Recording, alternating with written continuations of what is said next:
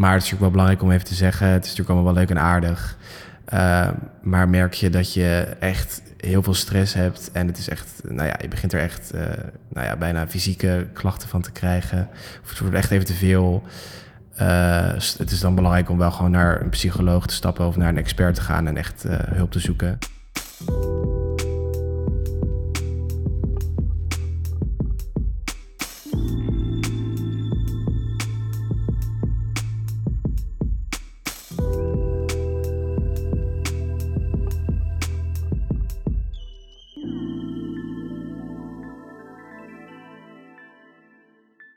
Hallo en welkom bij de Stresscast. Een podcast over stress, gemaakt door Maartje Sagers, Karsten de Roo, de rest van de 13e ondersgroep Biologie van de Universiteit Utrecht en mijzelf, Challing Huisman.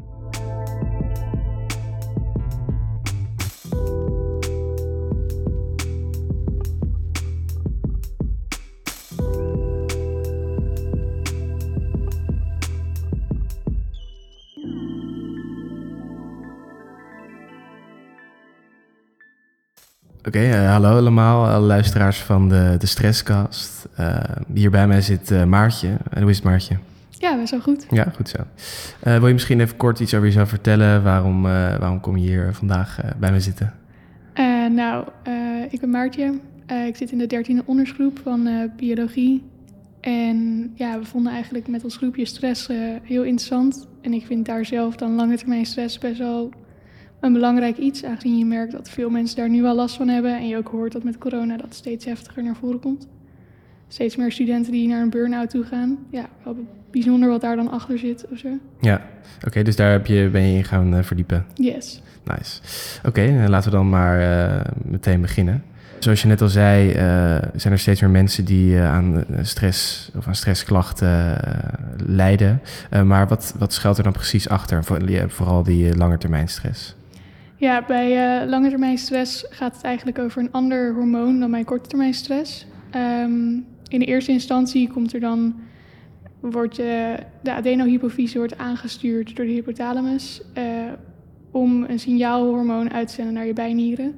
En die gaan vervolgens cortisol produceren, wat in je bloed wordt afgegeven. En dat is eigenlijk het langere termijn stresshormoon. En het hormoon wat ervoor zorgt dat als jij een hele lange tijd heel veel moet doen voor school, dat je je dan steeds beroerder gaat voelen. Um, wat uh, interessant is aan cortisol is dat het ook het immuunsysteem onderdrukt, uh, waardoor het in heel veel medicijnen zit. Bijvoorbeeld bij mensen die prikkelbare darmsyndroom hebben of heel veel last hebben van eczeem of astma. Het probleem is alleen dat als jij heel lang onder die termijnstress staat, dat je dan zelf ook een immuunsysteem onderdrukt hebt. En die medicijnen mag je eigenlijk vaak niet lang gebruiken. Precies om wat je gaat zien als jij heel lang onder stress zit, is dat je ook steeds vatbaarder wordt voor ziektes. Je immuunsysteem werkt gewoon slechter. Uh, verder doet wat cortisol ook doet, een beetje hetzelfde als adrenaline, is dat het er eigenlijk voor zorgt dat jouw bloedsuikerspiegel hoog blijft. Dus uh, het zorgt ervoor dat glucose vrijkomt en het zorgt ervoor dat vet, eiwitten en koolhydraten worden uh, gemetaboliseerd. -hmm.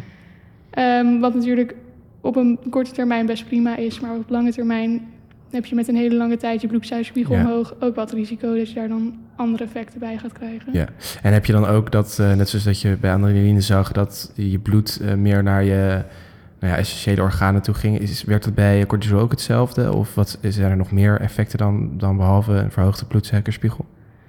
Uh, ja, eigenlijk heeft dat niet per se dat het bloed ergens specifiek naartoe gaat. Maar het stopt bijvoorbeeld bepaalde processen. Dus uh, het zorgt er eigenlijk voor dat je immuun wat minder wordt gebruikt. Zodat uh, er meer aandacht kan naar andere systemen die met die stress gaan kopen. En wat bijvoorbeeld ook merkt is dat het remmend werkt op de aanmaak van botten en van collageen. Mm. En ja, misschien ken je dat wel. Je zult wel verhalen hebben gehoord over mensen die lange tijd heel gestrest zijn, bij wie dan het haar gaat uitvallen en dat soort dingen. Omdat dus bijvoorbeeld dat soort processen worden geremd, omdat dan inderdaad de focus wil gewoon blijven op de ja, essentieelste dingen in het lichaam. Ja.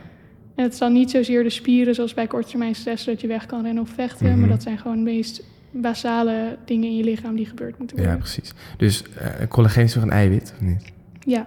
Uh, is, is dat ook de reden waarom dan mensen die nou ja, langer onder stress staan ook bijvoorbeeld eerder rimpels krijgen? Dat soort dingen? Ja, collageen is inderdaad ook in je huid heel belangrijk voor... Uh, bijvoorbeeld net samen met keratine is dat... Uh, maar het is vooral na haar nagels ook zit het in. Hm. Dus dat is eigenlijk inderdaad bindweefsel wordt daar heel erg door aangetast. Oké, interessant. Het is wel belangrijk om rekening mee te houden misschien. Ja. Um, dus dat is dus als er wat langere termijn cortisol op je werkt. Maar hoe uh, werkt het dan normaal gesproken? Nou ja, normaal gesproken ben je bijvoorbeeld wat langer gestrest dan echt fight or flight. Gewoon omdat je bijvoorbeeld volgende week een tentamen hebt. En dan koppelt cortisol eigenlijk negatief terug op die hypothalamus. En dan wordt eigenlijk uiteindelijk wordt dan die aansturing een beetje gestopt. En dan stoppen je bijnieren met cortisol produceren. Oké. Okay. Um, nu is het zo dat de hypothalamus best wel snel vermoeid raakt. Dus net zoals jij als je onder lange termijn stress staat. Dus als je bijvoorbeeld hele langdurige druk hebt, bijvoorbeeld het idee dat je studie te veel is of dat je de verkeerde keuze hebt gemaakt, dan ga je uiteindelijk krijgen dat die terugkoppeling wegvalt. En dan blijft je lichaam dus continu onder het effect van die cortisol staan. Oké. Dus normaal, normaal gesproken gaat het in een soort cycli of zo, dat, je, dat, het, terug, dat het teruggekoppeld wordt, geproduceerd wordt, of andersom, sorry, dat het geproduceerd wordt en vervolgens negatieve terugkoppeling, dat het dan weer het cortisolniveau daalt, neem ik aan. Ja, precies. Okay. En dat is dus niet per se schadelijk of zo, als het normaal gebeurt? Als het normaal gebeurt, is het niet schadelijk. Dat is ook waarom het in medicijnen wel gewoon een functie kan hebben. Mm -hmm. Alleen als je er lang aan blootgesteld wordt, dan is bijvoorbeeld een onderdrukking van je immuunsysteem, kan je zelf misschien ook al inschatten dat als je immuunsysteem hele lange tijd het niet meer goed doet. Nee, nee oké, okay, dat snap ik. Dat snapt uh, iedereen, denk ik wel. Ja. Um, in de normale situatie heeft het ook wel uh, belangrijke functies, neem ik aan. Uh, ja, het kan natuurlijk als jij een langdurige ontsteking hebt, dat je lichaam merkt dat dat uiteindelijk heel slecht is voor je lichaam. Langdurige koorts en al die histamine in je bloed, dat werkt helemaal niet goed.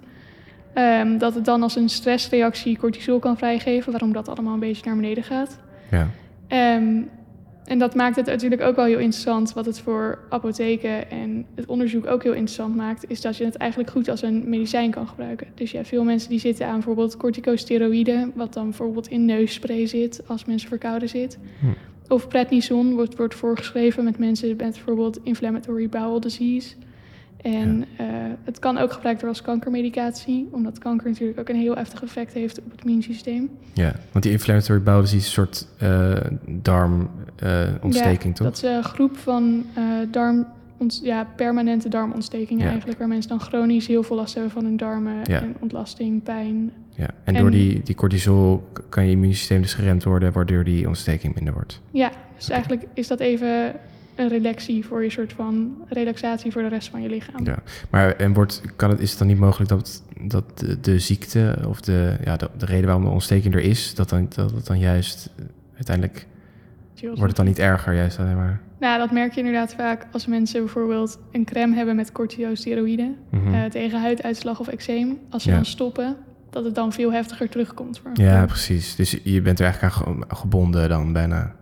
Ja, en je kan het dus ook niet lange termijn gebruiken. Want dan krijg je weer heel veel neveneffecten die je eigenlijk ook bij langdurige stress merkt. Zoals bijvoorbeeld gewichtstoename, huidklachten, haaruitval, gewichtsverlies. Kan allebei, hangt een beetje af van hoe je erop reageert en wat jouw lichaam daar zelf Mhm. een beetje als ja, effect mee ervaart. Ja, Ehm, want eigenlijk wat je doet, is je doet alleen symptoombestrijding. Dus als jij cortisol gaat nemen, zodat die ontsteking wat minder wordt, Ja. zodat je gewoon wat relaxter kan Ja, leven, ja, ja. bestrijd je eigenlijk alleen het effect van die ziekte en niet de ziekte ja zelf. niet de ziekte zelf. Oké. Dus dat is ook niet per, het is geen oplossing ergens voor. Nee. Oké. Maar eh, hoe kom je daar dan ooit uit? Is er, is er een soort manier waarop hoe je daaruit kan komen? Uit die, nou ja, soort van die cyclusachtig? Uit de cyclus van, eh, ik heb een ontsteking, de ontsteking is te erg, ik neem eh, nou ja, cortisol of een, een andere vorm daarvan. Kan je dan, daar kan je dan nooit meer, stop, meer mee stoppen eigenlijk? Eh, nou ja, dan gaan ze dus op zoek naar medicijnen of symptoombestrijdende medicijnen die beter werken en die wel op lange termijn gebruikt kunnen worden. Oké, Of soms is het ook een afwijking. Je hebt mensen die zoveel last hebben van die eh, inflammatory bowel diseases, dat het uiteindelijk voor hun het meer waard is om die pijn tegen te gaan en die effecten, omdat er nog niet echt een goede oplossing is voor dat soort ziektes. Ze hebben Mhm. daar niet een echte behandeling tegen, dat Ja. het het dan waard is om prednison te nemen. oké. Omdat ze dan liever wat meer aankomen Ja, of precies. wat haar verliezen dan dat ze continu pijn hebben. Ja, oké, dat snap ik.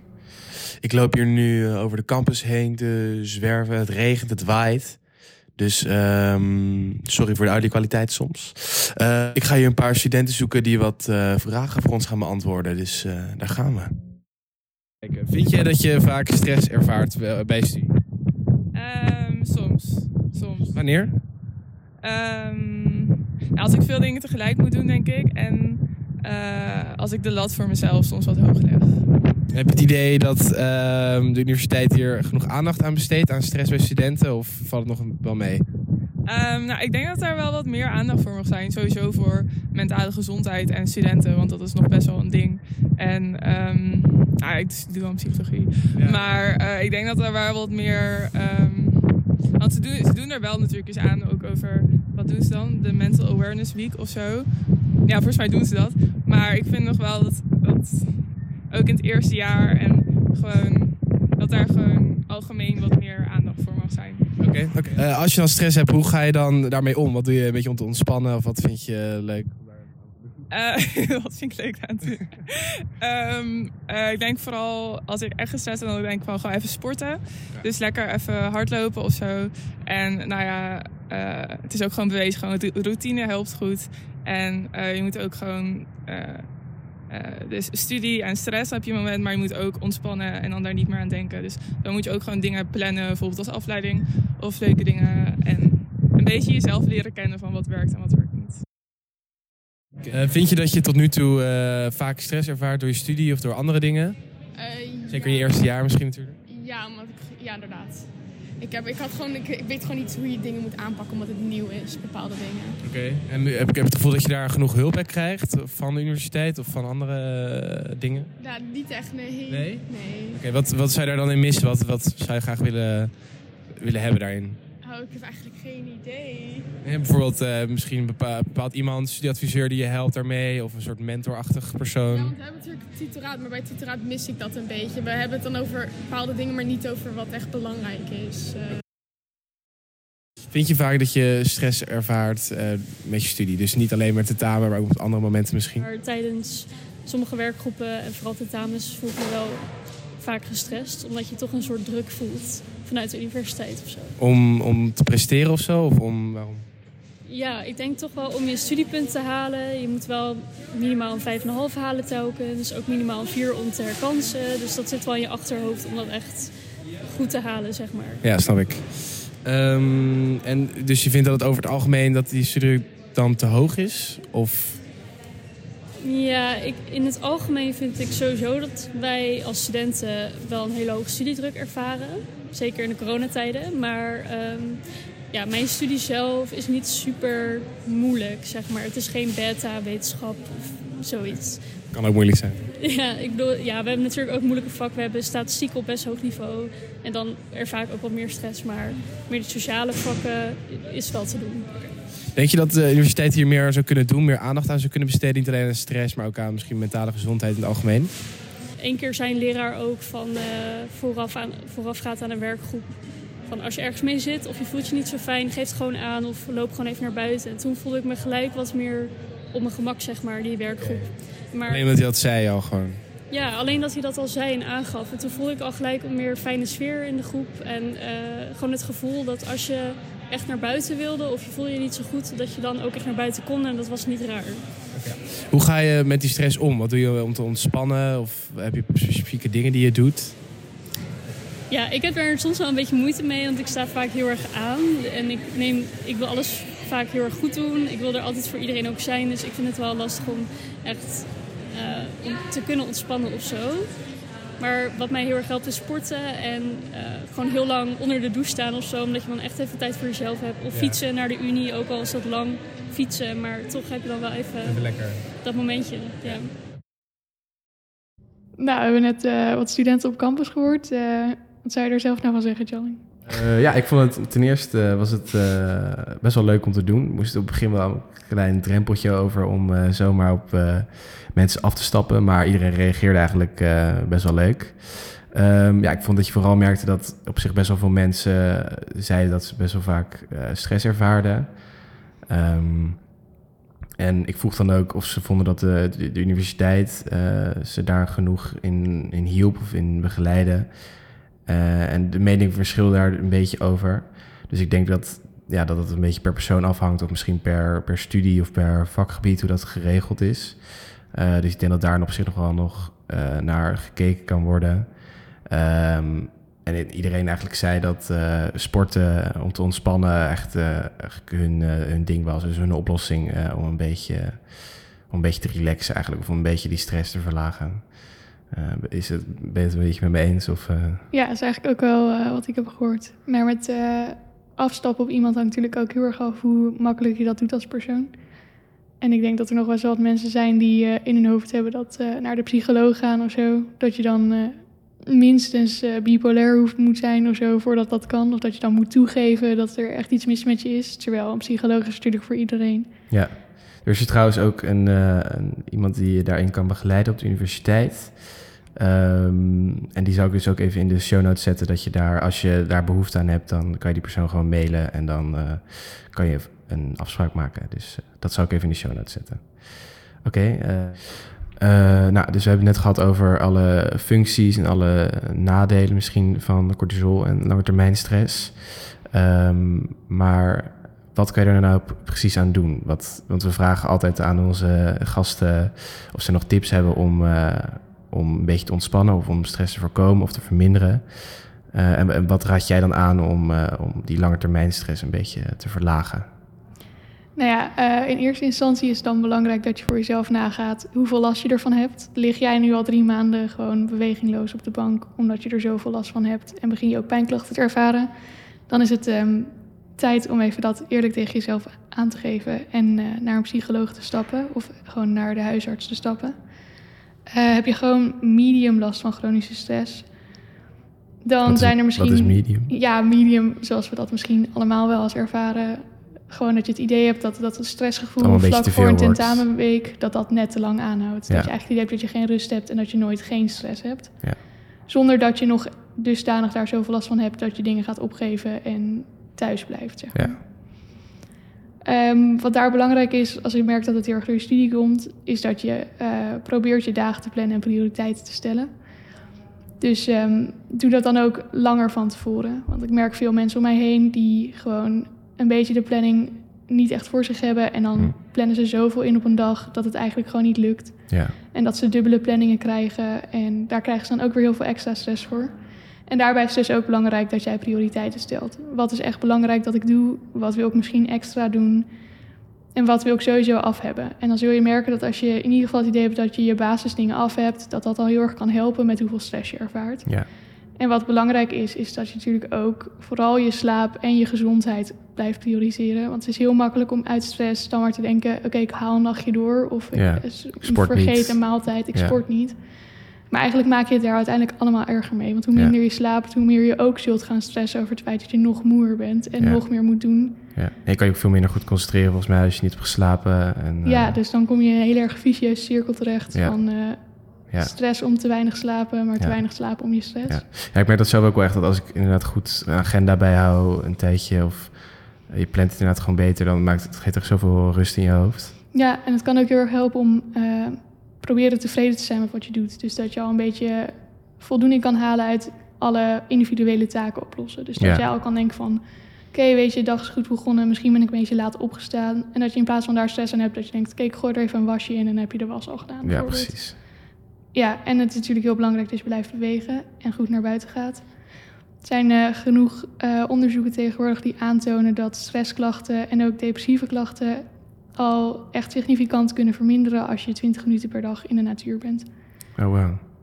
Gewoon, je, je hoeft niet eens echt heftig te sporten, wil je zeggen, maar gewoon... Een wandelingetje maken kan al heel veel effect Ja, hebben. Gewoon zodat je wel nog die, in die beweging blijft, gewoon die basisbeweging houdt. Je hoeft niet Ja. gelijk een marathon te gaan rennen Ja, of eh, een uur in de gym te gaan staan. Ja, precies.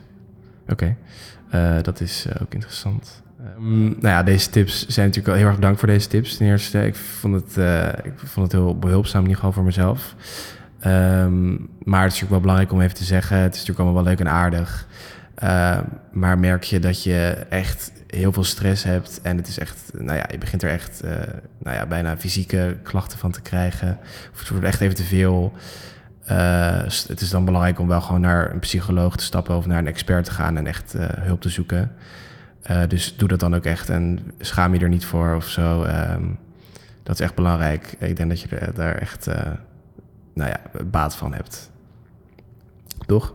Ja, dat denk ik zeker ook. Oké, goed zo. Nou, uh, dankjewel Maartje voor deze, voor deze kleine masterclass over cortisol.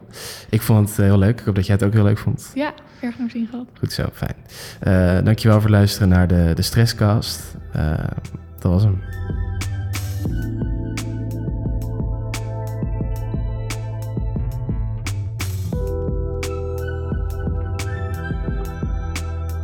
Dankjewel voor het luisteren naar deze aflevering over de vicieuze cirkel van stress. Ik hoop dat je veel dingen hebt gehoord die je nog niet wist. Ik vond het in ieder geval wel heel erg interessant.